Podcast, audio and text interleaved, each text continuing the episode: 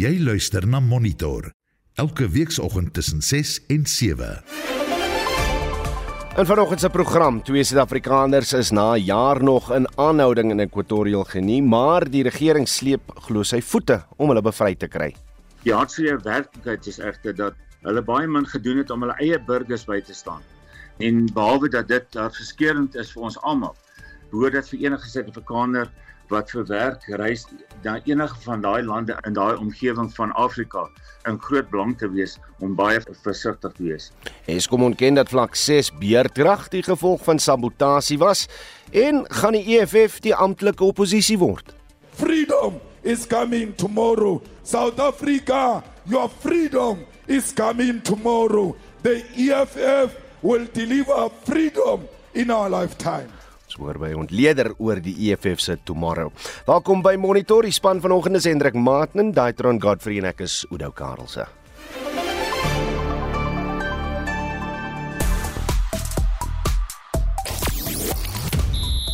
Hugo Broos wil aanbly as Bafana Bafana breier al blyk daar belangstelling te wees vir sy dienste. Deja vu vir die Sunrisers Eastern Cape in die SA20 reeks en 'n Suid-Afrikaner word aangewys as speler van die toernooi in die onder 19 mans eendag cricket wêreldbeker toernooi. Ek is Shaun Schuster vir RSG Sport. Mense, dit is oor môre Valentynsdag en ek kan hier in die ateljee sien wie in 'n verhouding is. Jy kan sien waar die stres lê. Natuurlik is dit ook 'n skrikkeljaar wat bepaalde implikasies vir die liefdeslewe het. So ons wil vanoggend weet hoe ernstig is jy oor Valentynsdag? Gaan jy dit vier? Gaan jy jou wederhelf verras of dalk daardie spesiale persoon vra om te trou? As dit die geval is, laat weet beslis vir ons wat die plan is. En dan natuurlik uh, hierdie kwessie van 'n skrikkeljaar. Beteken dit enigiets vir jou? Ek dink die mees romantiese ding wat enige paartjie seker tans kan doen, is om maar saam-saam 'n loonooreenkomste ondergaan, onderteken vir 'n kragopwekker en 'n paar sonpanele want hy mense gaan mekaar nie gou verlaat nie. Maar wat sê jy? Valentynsdag, hoe lyk joune? Of hoe sal jy graag jou dag wil vier. Stuur 'n SMS na 45889. Dit kos jou R1.50 per SMS of stuur vir ons 'n WhatsApp stemnota na 076 536 6961.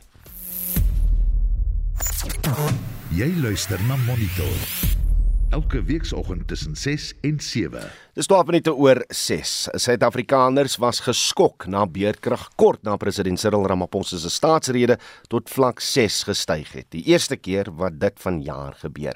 Dit het gister tot vlak 5 gedaal. Die minister van elektrisiteit, Dr. Gosienso Ramagopa, het by 'n nuuskonferensie oor die stand van die land se energiesituasie gesê, die skielike stygings na vlak 6 was hoofsaaklik omdat Eskom beplande instandhoudingswerk moes doen.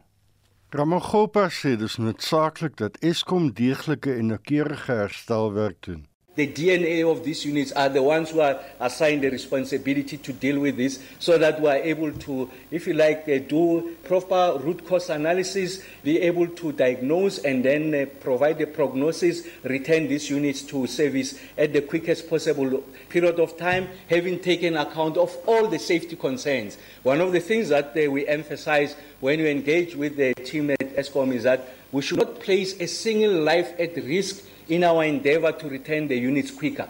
We must do everything that is right, even if it means that the intensity of load shedding will be above the summer plan. But it's important that we do things right so that first, avoid any injury fatalities. We've got a duty to the employees at ESCOM, and then ultimately make sure that when these units come back, they are come back, if you like, healthier. Daar was 'n buitengewone aantal eenhede by verskeie kragsentrale wat ingegee het. So essentially, we had nine units that contributed to this 4,400 over a space of two days. So it's a cluster of these, these units failing simultaneously, and a lot of these units are big units. So they are big units. When I say big units, an individual unit is generating about 600 megawatts. So Letabo, we had the units going out. Matimba, we had the unit going out. Duva, we had a unit going out. Majuba, we had a unit going out. Each of those units at those individual power stations, they were each taking out 600 megawatts. And then when you combine them with Grootvlei, Kemden, and Letabo 5 also, and the Krill, 4,400 megawatts went out over that uh, period of two days. So essentially, it's about, if you like, to use the nomenclature of load shedding, it's like four stages of load shedding, essentially imposed on us as a result of this boiler tripling. En dit gekoppel aan geskeduleerde herstelwerk het die probleem vererger. And you must juxtapose this with the fact that our planned maintenance is still at about 7,000 megawatts. Eh? So someone was saying, but no, but why not cutting down quickly on planned maintenance? We are calling it planned maintenance because it has been planned. The engine is out, they are fixing it. And like I said, don't cut corners. If it means that you ramp up the intensity of load shedding for purposes of ensuring that we do the right things, return the units healthier, we are going to do this, explain ourselves to the country. Short term pain, long term gain, that's the point I'm making. Gelukkig is die situasie aan die verander en kan verbruikers 'n stelselmatige terugkeer na normaal verwag. Of these nine units that had gone out, I'm happy to mention that two of these units have since come back. Letabo 5 has come back, Krill 2 has come back. And then also I know that they are working on getting one of the units in Midupi to come back. And then we are expecting to return these units, to return this 4,400, the 3,400 megawatts, because uh, we have already returned the 1,000 megawatts. We expect the last of these units that failed on Wednesday, Thursday, Friday to return by Wednesday of this week. And that's when by Tuesday we are going to see significant reduction going back to those levels, levels 4, 3, 2 and 1 and also periodically not having load shedding starting Wednesday going forward. En dit was die minister van elektrisiteit, Dr. Gosienso Ramagopa. Ek is Hendrik Martin vir SAK nuus. Eskom se hoof van opwekking, Bekkie Nomalo, het beweringe intussen verwerp dat die hoë vlak van beerkrag aan sabotasie en misdaadaktiwiteite by die nutsmaatskappy toegeskryf kan word. Dit nadat Fikile Mbalula, die sekretaris-generaal van die ANC, op sy X-rekening beweer het dat dade van sabotasie agter fase 6 beerkrag was. Nomalo sê die werk deur die veiligheidsgroepering en die regering om die kragstasies van die nutsmaatskappy te beveilig duur voort. The security cluster is within the stations. We are doing investigations within our call space everywhere. So they, these are ongoing things to look for intelligence. But currently, on what has happened that led to this, you've seen that the biggest change is what I've just explained now with Mitupi. And then also what has happened with the number of chupliks then that happened between Thursday and Friday as well. So there is ongoing investigations and security scans that we are undertaking. En dit was Eskom se hoof van opwekking Bekkie Malo.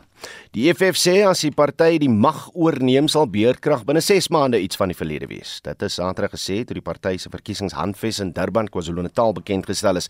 Die leier Julius Malema sê 'n span ingenieurs is reeds saamgestel wat in Eskom opgeneem sal word. Suid-Afrikaners het in 2023 332 dae beerkrag gehad. Malema sê die aanhoudende donkerte sal gestop word as die EFF aan die stuur van sake is. Mitsi van der Merwe berig. You waited for too long. Freedom is coming tomorrow. South Africa, your freedom is coming tomorrow. The EFF will deliver freedom in our lifetime. Die rooi berette beloof om Suid-Afrikaners te bevry. Die EFF het die taak sedert sy stigting op hom geneem om die land se swart meerderheid ekonomies te bevry. Die jaar is die slagspreuk Our Land and Jobs Now. Stop load shedding. Die leier Julius Malema het Suid-Afrikaners gevra om vir hom te stem sodat beerdkrag kan ophou. Dit het volgens hom talle besighede vernietig en werkloosheid vererger. Dit nadat die president in sy staatsrede gesê het die einde van beerdkrag is binne bereik. Maar die leier van die derde grootste party sê die kragonderbrekings het mense laat sterf. We say load shedding must stop because we are in darkness now. Our people don't have electricity. Load shedding has killed a lot of businesses. And as a result, because businesses are gone, a lot of our people have lost jobs. Load shedding has destroyed education.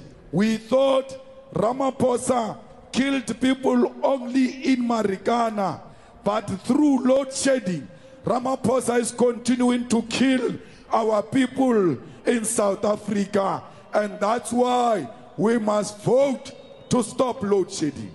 Julius Malema het onderneem om maatskaplike toelaas te verdubbel en om 'n fonds vir werklose gegradueerdes te begin. Dit is van die beloftes in sy party se handves van meer as 260 bladsye lank wat by die Moses Mabhida Stadion bekend gestel is. Malema sê maatskaplike verligting vir die armes en sorg vir die werklooses sal een van sy regering se doelwitte wees. We want Abu Gogo Nabumkulu to get 4,180 per month. We want veterans to get 4,220 per month. Child support grant to be increased to 1,200 per month. The EFF will introduce a graduate fund. Anyone who get matric and can't get a job will get 1,000 rand. Anyone who get a degree can't get a job will get 3,000 rand. Anyone who get an honors without a job will get 4,000 rand. No one must go to school and not get a job Regeringstenders sal onder die EFF administrasie afgeskaf word. Die meeste korrupsie in die regering word dikwels met staatsaanskaffingsprosesse verbind. Die verval van verskeie munisipaliteite en politieke moorde in sommige provinsies word ook op die regering se tenderstelsel blameer. Malema sê sy regering sal die dienste deur die staat lewer. Comrades, we are no longer having tenders under the EFF There won't be a cleaning tender, a security tender, a gardening tender. There won't be construction and maintenance tender. There won't be consultant. There won't be professional services. There won't be banking services. There won't be telephone and internet services. Why? All those sectors are going to be insourced and work for government. 50% van Suid-Afrika se grond sal voor die einde van 2025 sonder vergoeding onteien word indien die EFF 'n meerderheid in vanjaar se verkiesing kry. Malema sê vroue moet veral bevoordeel word in die stap. Die leier van die Rooi Berette sê artikel 25 van die grondwet sal verander word om grond sonder vergoeding te kan onteien. Die EFF is teen die vergoeding van grond wat onteien word en wil die staat die eienaar maak van al die grond vir herverdeling. In 2021 het die EFF en die DA die grondkonsepwet verwerp wat vergoeding onder sekere omstandighede regverdig. Malema sê sy party is daartoe verbind om die grond aan die land se meerderheidsbevolking oor te dra. We are going to take the land and we are not going to pay a cent. Whether they like it or not, the land will be returned in the hands of our people. We are going back to Parliament to change Section 25. The ANC hijacked this motion in Parliament. Now, when we get the majority, we are going back to retable it again and amend the Constitution. But the land will be given to all. But the majority of this land will be given to women and young people. Die EFF wil ook die grondwet wysig om die nasionale vervolgingsgesag as een van die hoofstuk 9 instellings te verklaar. Malema sê die hoof van die NVG moet aan die parlement verantwoording doen eerder as aan die president. Suid-Afrika het sowat 10 hoofstuk 9 instellings en die EFF sê die byvoeging van die NVG tot die lys sal 'n onafhanklike vervolgingsgesag tot gevolg hê. Die EFF het die steun van sowat 10% van die kiesers wat 44 setels in die parlement is, 'n getal wat hulle wil vergroot. Die party steun op Malema se boodskap en die komende veldtogte om dit te doen. Mitsi van der Merwe SAK nuus. Ons bly by die storie en praat nou met die politieke ontleder Aske van Heerden. Aske, goeiemôre. Goeiemôre en goeiemôre aan die luisteraars. Dit is interessant om na Julius Malema te luister, die grootste maatskaplike toelaagstelsel ooit vir Suid-Afrika, massa in diensneming deur die staat vir werklooses en die spoedige voltooiing van grondhervorming, soos hy sê sonder dat dit die staat enigiets kan kos. Dit laat sommige kenners sê dit is te goed om waar te wees. Wat sê jy oor die EFF se handves? Ja, ek dink Julius is uh op nou hy's nou op 'n terrein van populisme en hy sê alles wat populêr is um, om seker te maak dat hulle die nodige stemme kan inbring. Ehm um, maar die feit van die saak is dat uh, of ons nou wil sê die ANC is on, uh, incompetent uh, in terme van hoe hulle die beerdkragsituasie probeer oplos. Ehm um, daar is verskeie uh, aksies wat gevat is wat gevat was oor die afgelope paar jaar. Ehm um, en ek dink die elektrisiteitsminister het ook gesê dat hulle nou allerlei dinge doen om seker te maak dat hierdie jaar gaan hulle probeer om om die beurtkrag 'n bietjie te minimeer. Uh so ek wil ons jy weet mense sal graag wil hoor uh, wat is dit dat die EFF gaan doen in die volgende 6 maande om keer om om beurtkrag uit die pad te kry. Uh want ek dink die ANC probeer al jare al. Ehm um, en natuurlik ook die toelaat situasie hmm. Ehm um, daar is natuurlik die begroting van die land, ehm um, waar gaan al die geld vanaand afkom? Ehm um, al sê hy en maak beloftes dat dit gaan nie die staat enigiets kos nie, maar ons weet mos niks is verniet nie. Hm. Ehm um, so ja, dis baie retoriek en uh, baie populêr en ek dink dis sy strategie om seker te maak uh, dat mense vir hulle stem. Is daar enige punte binne die handves wat vir jou sê, "Mmm, dis 'n unieke denkwyse. Ek wonder hoe gaan die die uh, kiesers daarop reageer?" Nee, dis dis alles dit dieselfde. Dis dis meer van dieselfde. Ehm um, land sonder om om land te vat sonder om te betaal daarvoor. Ehm um, jy weet om beloftes te maak rondom toela en natuurlik om ook populêre kwessies soos die raskwessie in te bring. Ehm um, ons weet natuurlik hy het gesê dat hy probeer om swart jeug uh, stemmers nader te trek. So hy hy's op die raskwessie en ek dink dis ongelukkig want hy vat ons terug na die verlede toe. Ehm um, Jy weet daar's baie partye in die oppositie ook wat probeer om vorentoe te beweeg in 'n ander rassistiese rassistiese Suid-Afrika, hmm. maar ongelukkig lees maar net maar vol anders. Uh Suid-Afrika met die EFF as amptelike oppositie. Hoe hoe verander dit die politieke speelveld want dit dit is van die vooruitskattinge in in die navorsing wat gedoen is sover. Ja, kyk as ons nou as ons nou kyk aan die terme van die veranderinge wat uh, die ANC en of die parlement nou ingebring het rondom reëls wat uh, geensins toelaat dat mense nou die president kan ehm um, hekel en skree en uh, uh jy weet uh, punt van ordes in te bring en so voort. En dis alles gedoen omdat ons gesien het hoe die EFF optree in terme van oppositie. So uh, dit gaan 'n tragiese situasie wees as hulle nou die amptelike oppositie word hmm. want ek dink dan gaan ons meer en meer uh van daai chaos sien nie net in parlement nie maar ook in terme van koalisiepolitiek. Ehm um, hulle is net nie verantwoordelik op uh ehm um, vernote Hmm. In politiek nie en ek dink dis 'n groot uh, kommernis. Reg, Moses Mabhida was rooi geverf in Alexandria in Johannesburg uh, was dit baie groen en ons oud president Jacob Zuma het die afgelope naweek ook sy verkiesingsveld tog uh, vir die MK party uh, so intoe geneem en uh, kom ons luister net vinnig wat hy daar gesê het. Ngifuna ukunikeza warning manje. I want to send out a warning because people that come from the ANC and join Umkhonto wesizwe they come with ill discipline and corruption That's why I say let's not choose the leadership now because others are here to join Umkhonto Sizwe for positions. Sommer uit die staanspoor het Asker jou reaksie op uh oud president Zuma se rede dat daar nog nie 'n leierskap van die party verkies is nie. Hy sê hy soek mense wat nie posisie soek nie, maar die mense wil begelei. Ja, kyk, dis mos nog groot man politiek soos ons weet. Ehm um, hy gaan wel bly die leier van die party tot op die laaste minuut. Uh, hy weet natuurlik daar's probleme met hom rondom om president te wil wees weer eens in terme van kriminele rekords en die feit dat hy al reeds twee terme agter sy rug het. Ehm um, so ons het dit gesien in EFF aan die begin van van die party, ons het dit gesien by ander partye waar hulle wag en waar die groot man politiek ons nou speel. Hy probeer om die situasie uit te byt so meer soveel as moontlik want hy is die die die drawkaart soos hulle sê ehm um, in terme van die MK party. Ehm um, maar ja, ons sal maar moet sien. Uh dis dis natuurlik nou se uh, uh, komedies as as as ons nou luister en hy praat van korrupsie en en so voort in die ANC en dieselfde ANC wat hy die leier was en ons weet toe hy die leier was was daar natuurlik nou die 9 jaar ehm um, van staatskaping en korrupsie in terme van die Guptas en eis en so en so voort. So ja, ek weet nie of mense nog gaan glo wat hy sê rondom korrupsie nie. Ek wil tog vra wie is die Social Research Foundation wie se geheime navorsing onder kiesers toon dat die MK party soveel as 9% in sy eerste verkiesing kan inwin en moet ons hierdie syfer ernstig opneem?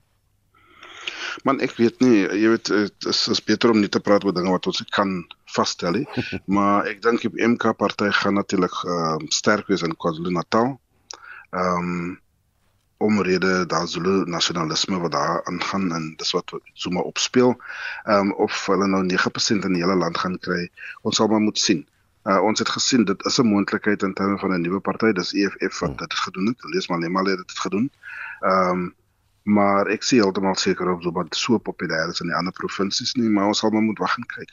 Oscar van Heerden, dankie vir tyd te monitor hy se politieke ontleder. Twee Suid-Afrikaanse ingenieurs was Vrydag reeds al 'n jaar in aanhouding in 'n gevangenis in Ekwatoriaal Genie. Die 54-jarige Frik Potgieter en 55-jarige Pieter Haksem is glo op valse aanklagte van dwelmbesit in hegtenis geneem. Die arrestasie het gevolg nadat die Suid-Afrikaanse regering op twee eiendomme en 'n luukse seiljag van die visiepresident Theodore Ngwema Obiang beslag gelê het. Die woordvoerder van die families, François Negrini, vertel hoe dit met die twee gaan. Ons het nog net in totaal 5 besoeke kon kry by hulle.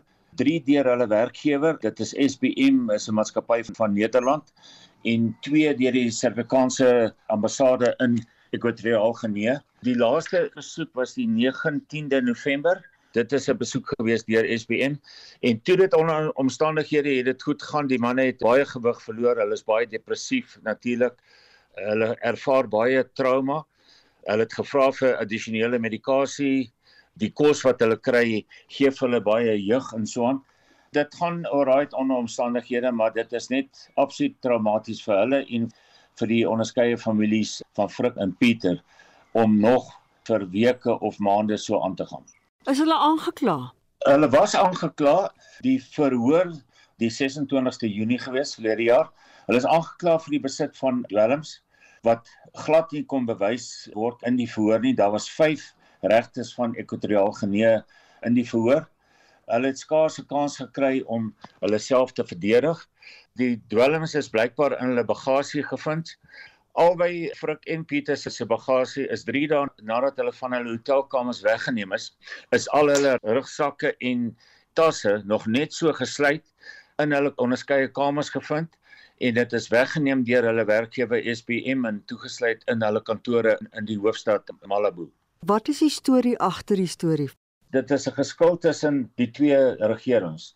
Ekwatoriaal Genee se president en die visiepresident is bitter omdat daar beslag gelê is op hulle bates in Kaapstad en dit het die betrekkinge tussen die twee lande versuur. Ongelukkig was Pieter en Frik net op die verkeerde tyd op die verkeerde plek gewees. Samir is hulle in hegtenis geneem en binne 'n week was hulle afgevoer gewees na die politieke tronk in Mongomo, dis reg aan die ooste kant van Ekwatoriaal Genee en dit is ver weg van die hoofstad en hulle word net daar aangehou. Hoekom is daar op beslag lê? Ons familie het nie baie kennis daarvan nie, maar daar was 'n ander Suid-Afrikaner wat ook gevange geneem was in Ekwatoriaal Genee en hy was seker ek onthou oor die 500 dae was hy in 'n tronk gegooi gewees. Ook vir geen rede. En toe hy nou uiteindelik nou vrygelaat was, toe het hy natuurlik 'n saak gemaak teen daai land se president of visiepresident. En na jare, 4, 5 jaar het hy die saak gewen. 'n Bedrag is aan hom deur ons howe toegestaan wat hy moes verhaal van die Ekwatoriaal Genee president of visiepresident en hulle het net geweier om dit te betaal.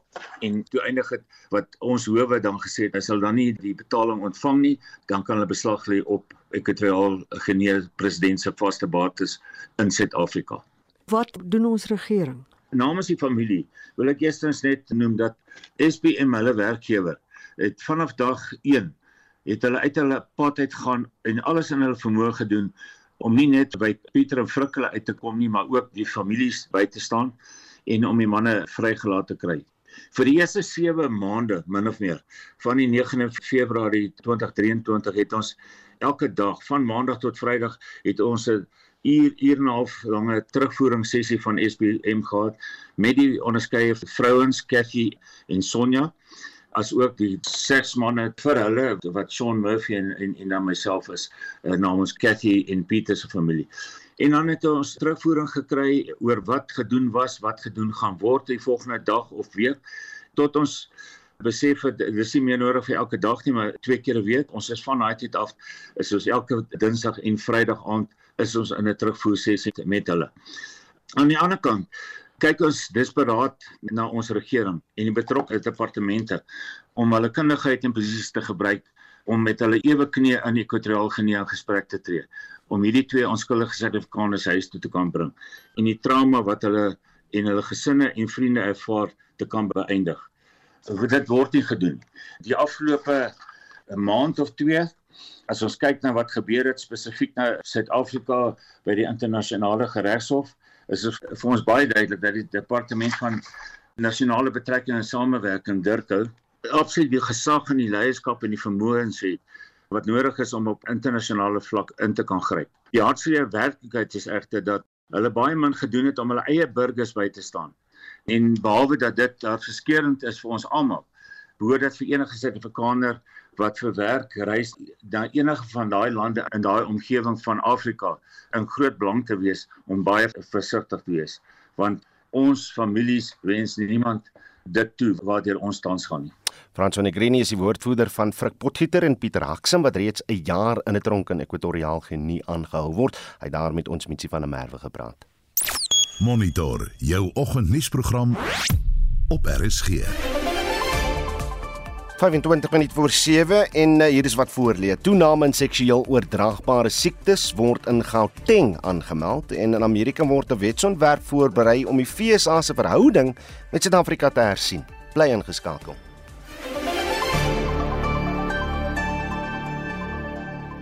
Daar is geen verkeer.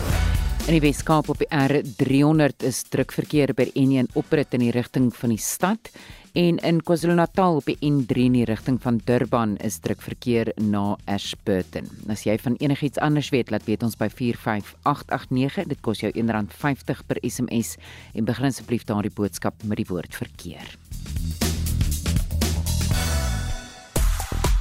Reg vanoggend is die vraag, wat beteken Valentynsdag vir jou? Oormôre is natuurlik Valentynsdag vir die van julle wat vergeet het.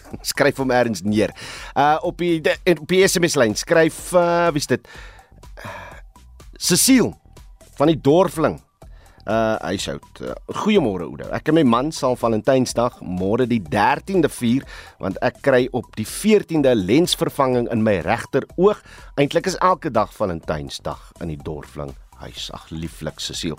Dan skryf uh waar is hy? Annie, daar is hy. Uh, anoniem. Môre.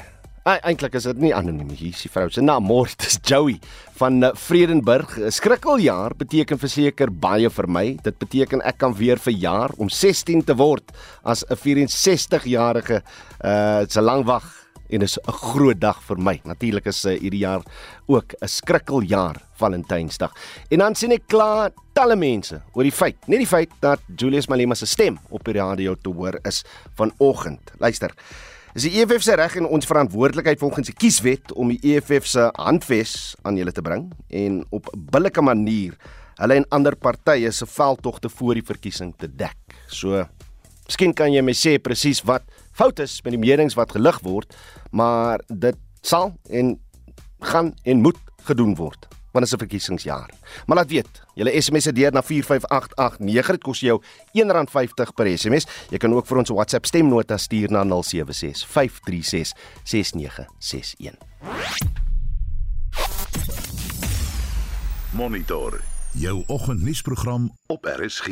'n Republikeinse lid van die Amerikaanse Kongres, John James, het 'n twee-party wetsontwerp ingedien wat vra dat die FSA se betrekkinge met Suid-Afrika hersien word. Die wetsontwerp is in samewerking met die Demokratiese Kongreslid Jared Moskowitz opgestel. Die wet het te doen met Amerika se misnoë met Suid-Afrika se vriendskap met Hamas, Rusland en China. 'n Woordvoerder van Suid-Afrika se Departement van Internasionale Betrekkinge en Samewerking, Clayson Moniela, sê egter Suid-Afrika se verhouding met Amerika is sterk. The relations between the United States of America and South Africa are mutually beneficial. It's not the first time that some few individuals think they must push bills of this nature, and we understand this is a reaction to South Africa taking Israel to the ICJ. So we expected some reaction, but we're not worried because the views of these individuals behind this bill are not shared by the US administration. How do I know? Because we are in constant contact with our US counterparts, both at the State Department as well as at the White House. If you were to ask Secretary Blinken, how many foreign ministers does he speak to as often as Dr. Naledi Pando? He'll probably tell you she's the one I speak to more than the others. Na afvaardiging van solidariteit in dit September verlede jaar in Washington samesprekings met verteenwoordigers van die buitelandse sake komitees van die Amerikaanse Senaat en Huis van Verteenwoordigers gevoer. Solidariteit se doel was om Suid-Afrika se voortgesette deelname aan AGOA te bepleit, maar ook om oor Suid-Afrikaanse buitelandse beleid te praat. Kom ons praat nou hieroor met Solidariteit se hoof van internasionale betrekkinge, Jaco Kleinans. Môre Jaco. Ja, goeiemôre Oudo. Jy dra 'n uh, bietjie van 'n ander hoed vanoggend, maar jy was deel van die afvaardiging. Uh, en, en jy het blykbaar julle doel bereik want Suid-Afrika bly toe aan as lid van AGOA, maar was daar in September verlede jaar reeds aanduidings dat hierdie wetsontwerp dalk aan die kom is? Ja, heeltemal so Oudo en uh, ek kan vir jou sê verlede jaar in September toe ek uh, samesprekings gevoer het met uh uh hierdie lid van die Huis van Verteenwoordigers John James van Michigan wat ook die voorsitter van die Afrika subkomitee is, was dit reeds duidelik geweest dat hy en van die ander lede van die Afrika subkomitee en ook die uh komitee van buitelandse sake wat uh wie se voorsitter Michael McCall is, dat hulle um eintlik wou hê dat die dat die bilaterale betrekkinge tussen Amerika en Suid-Afrika heeltemal herbedink moet word. Nou die oorsprong daarvan lê in Februarie jaar, 21 Februarie verlede jaar, toe daar in die Huis van Verteenwoordigers 'n resolusie ingedien is, resolusie 145, uh, wat presies hiervoor gevra het, 'n resolusie van baie bladsye wat 'n hele klomp dinge gelys het en redes waarom hulle glo die verhouding tussen Suid-Afrika en Amerika moet herbedink word. Toe op die 9de Julie was daar 'n brief gewees van kongreslede van die huis en die senaat uh, wat gevra het dat die AGOA beraad verlede jaar nie in Suid-Afrika aangebied moet word nie. Uiteindelik het is dit natuurlik wel in Johannesburg aangebied en toe op die 27ste September was daar 'n openbare verhoor in die huis van verteenwoordigers oor hierdie verhouding tussen Suid-Afrika en Amerika en uh, hierdie uh, voorgestelde nuwe wetsontwerp waarna jy nou verwys het, um, is 'n voortvloeisel hiervan van hierdie drie prosesse wat verlede jaar reeds begin het. Kleisen Monela se bekommerd. Ja, hy sê die staatsdiens, hulle sit ten gunste hiervan nie is maar net van die politici, maar uh, moet ons bekommerd wees? Is jy bekommerd? Ek is definitief bekommerd Oudo en ek gaan vir jou sê hoekom ek dink ons bekommerd moet wees.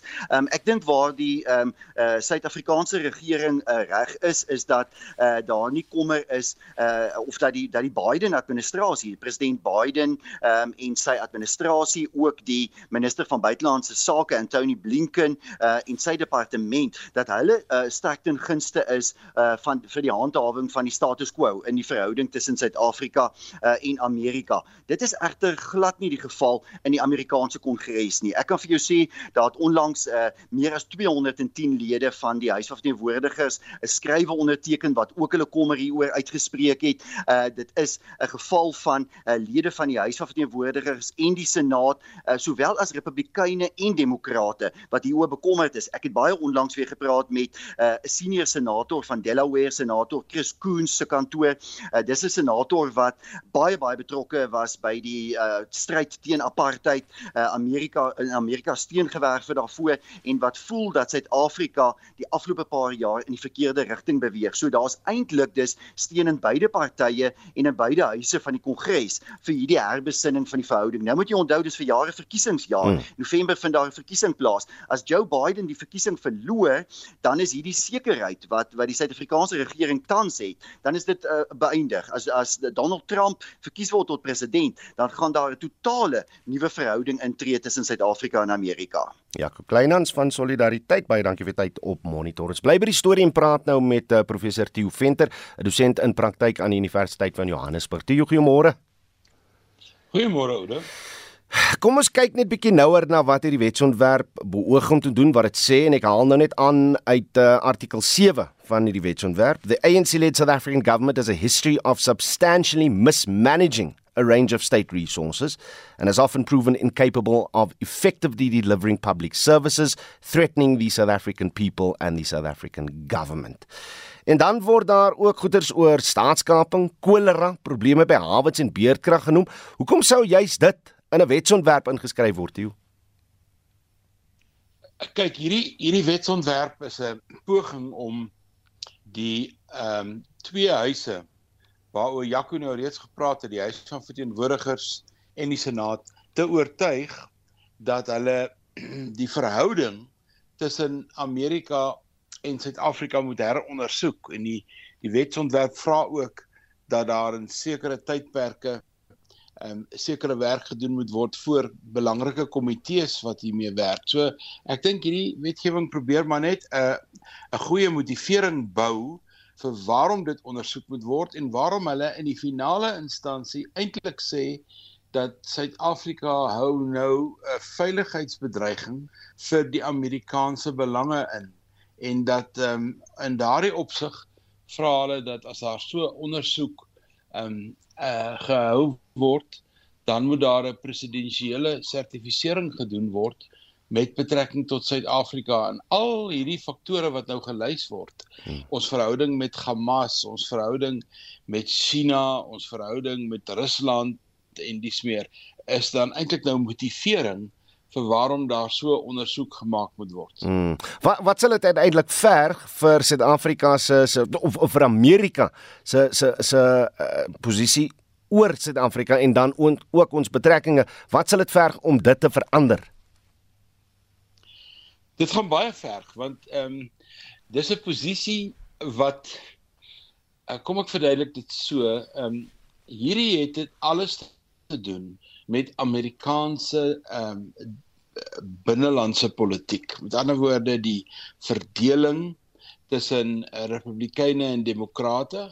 Alhoewel ehm um, Jaco Kleinhans is reg, hierdie ehm um, inisiatief het uh, steun aan beide kante van hierdie gepolariseerde lyne, maar ek dink dit probeer 'n klimaat skep waarin daar onsekerheid ehm um, gehou moet word ge, ge, geskep moet word oor voordele wat Suid-Afrika uit die verhouding met Amerika uitkry soos gesien deur Amerikaners van daai kant af. En ek dink ehm um, hierdie is ook 'n refleksie na aanleiding van verlede jaar se inisiatiewe dat AGOA nie goedgekeur moet word nie hmm. het dit hierdie keer gegaan meer oor Suid-Afrika se posisie met betrekking tot ehm um, die Palestynse saak ons posisie met betrekking tot die hofsaak ehm um, wat by die internasionale Hooggeregshof ehm um, plaasgevind het en die druk wat dit sodoende op Israel geplaas het. So ek het 'n idee hierdie is 'n poging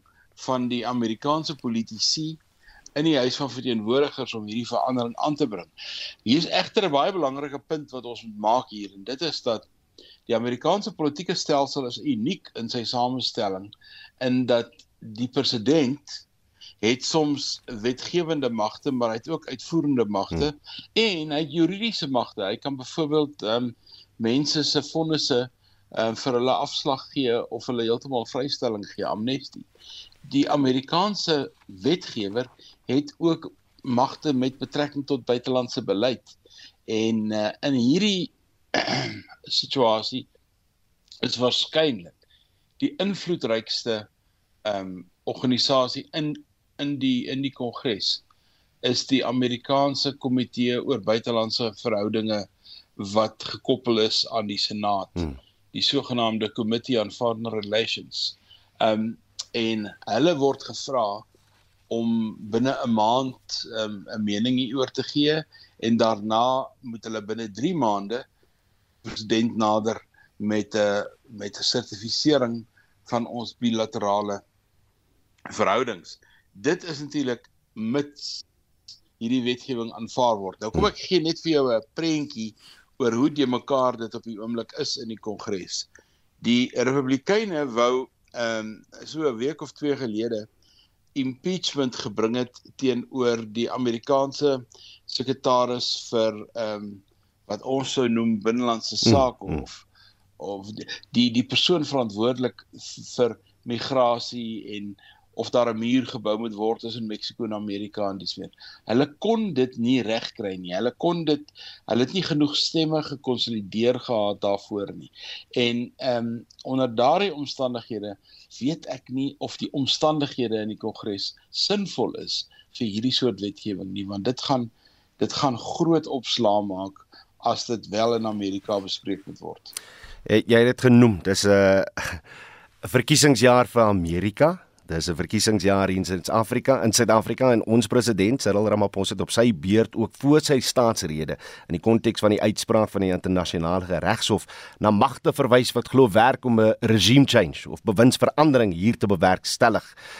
Is dit ook deel van van wat jy noem wat nou hier gebeur in 'n verkiesingsjaar? Ek regime change soos wat dit daar bedoel is beteken iemand um, meng in met jou met jou politieke proses en hy is onregverdig besig om een of ander party te bevoordeel of wat ook al met alle woorde 'n klandestiene hmm. soort 'n werk soos wat ons dink die russe uh die Amerikaanse stelsel beïnvloed het met 'n presidentsverkiesing uh 'n jaar of twee gelede. Ehm uh, ek genee wat ek dink daai soort stelling wat die regering van die dag maak ehm um, sal ek in die kategorie plaas van gogga maak vir baba bang. Ons probleem in Suid-Afrika in terme van politiek is die eie foute en die eie doele wat die ANC aanteken. Dit is glad nie Amerikaanse inmenging in ons plaaslike politiek nie. En dit was professor Theo Venter, dosent in praktyk aan die Universiteit van Johannesburg. Dit sal die Gautengse regering na raming 850 miljoen rand kos om sy onderwysassistent in diensnemingsprogram te, fina te, te finansier. 32000 eh, werklose Gautengse jeugdiges sal as onderwysassistente aangestel word. Dit is deel van premier Panyaza Lesufi se Nasi Spani uh, werwingsveldtog. Lesufi het gister in diensnemingsbriewe aan diegene gegee wat vir die program gekies is. I've called you today to say I'm removing you officially from the list of the unemployed I'm bringing you to the list of the employed in Gauteng government. That is where I'm bringing you. Dit was 'n werwingsveldtog wat daarop gemik was om weghol werkloosheid onder jeug onder beheer te kry. Maar dit kom teen 'n koste vir 'n regering in ernstige finansiële nood. Selfs al word jong mense teen die minimum salaris van R27.58 per uur in diens geneem, kom dit op R4412.80 per maand neer. Dit is 'n loonrekening van meer as 141 miljoen rand per maand. Die tydelike poste wat vir 6 maande duur, sal die Gautengse regering altesaam meer as 847 miljoen rand kos. Sommige het dit as 'n politieke slenter en bedrogspel bestempel. Provinsiale leiers ontken dit en sê dat duisende by die program baat gevind het sedert die begin daarvan in Junie verlede jaar. Asanda Luwaka, die voorsitter van die Nasionale Jeugontwikkelingsagentskap sê dat die jaar 2024 as 'n jaar van die jeug verklaar moet word. The reality, Premier, is that there are those in those small corners who are whispering that the year 2024 is the 1994. Now we rebuke that, Premier, because the year 2024 ought to be declared the year of the youth. Mense wat werk deur die Nasi Ispami program gekry het, vertel hoe dit hulle lewens verander het. I work at a special school so they have me working with therapists and psychologists. How many of us are sitting here before this initiative? We're sitting summa cum laude, magna cum laude. How many of us were at home sending out applications every day? To begin my journey, I was appointed under the Presidential Youth Employment Initiative Phase 4 program as an educator assistant. I am working at Raymond Mhlaba School of Specialization to pursue a career in education. Matomi Shilwani, die ALR vir onderwys in Gauteng, het die privaat sektor aangemoedig om by die regering se indiensnemingsprogram aan te sluit. And what I want to plea and urge, especially private sector, come on board. Gauteng province is a working government. It's a government that wants to change the people of its province. It's a government that wants to grow its economy, improve the life of our people. Come on board. Let us work together. Let us create jobs for our people. Premier Panjasa Lesufi sal vandag meer besonderhede gee van sowat 55000 jeugdiges wat op 1 April in diens geneem sal word. My naam is Susan Paxton vir SAK nuus in Johannesburg. Tyd vir die jongste sportmôre, Sean. Goeiemôre, Oudo. Die voorkus, hulle is Afrika kampioene, maar Bafana Bafana het beslis vir ons 'n rede gegee om Woensdag lughawe toe te gaan. Ja, die voorkeur uh, wen die eindstryd teen Nigerië 2-1. Dit is hulle derde Afrika kroon. En ja, bronsmedalje vir Suid-Afrika vir die eerste keer in 24 jaar met kon net sowel 'n silwer of goue medalje gewees het en die Breyer Hugo Broos sê trots op sy span.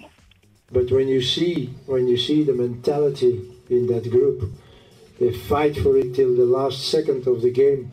There were players who nearly felt from fatigue, but still, still they went on.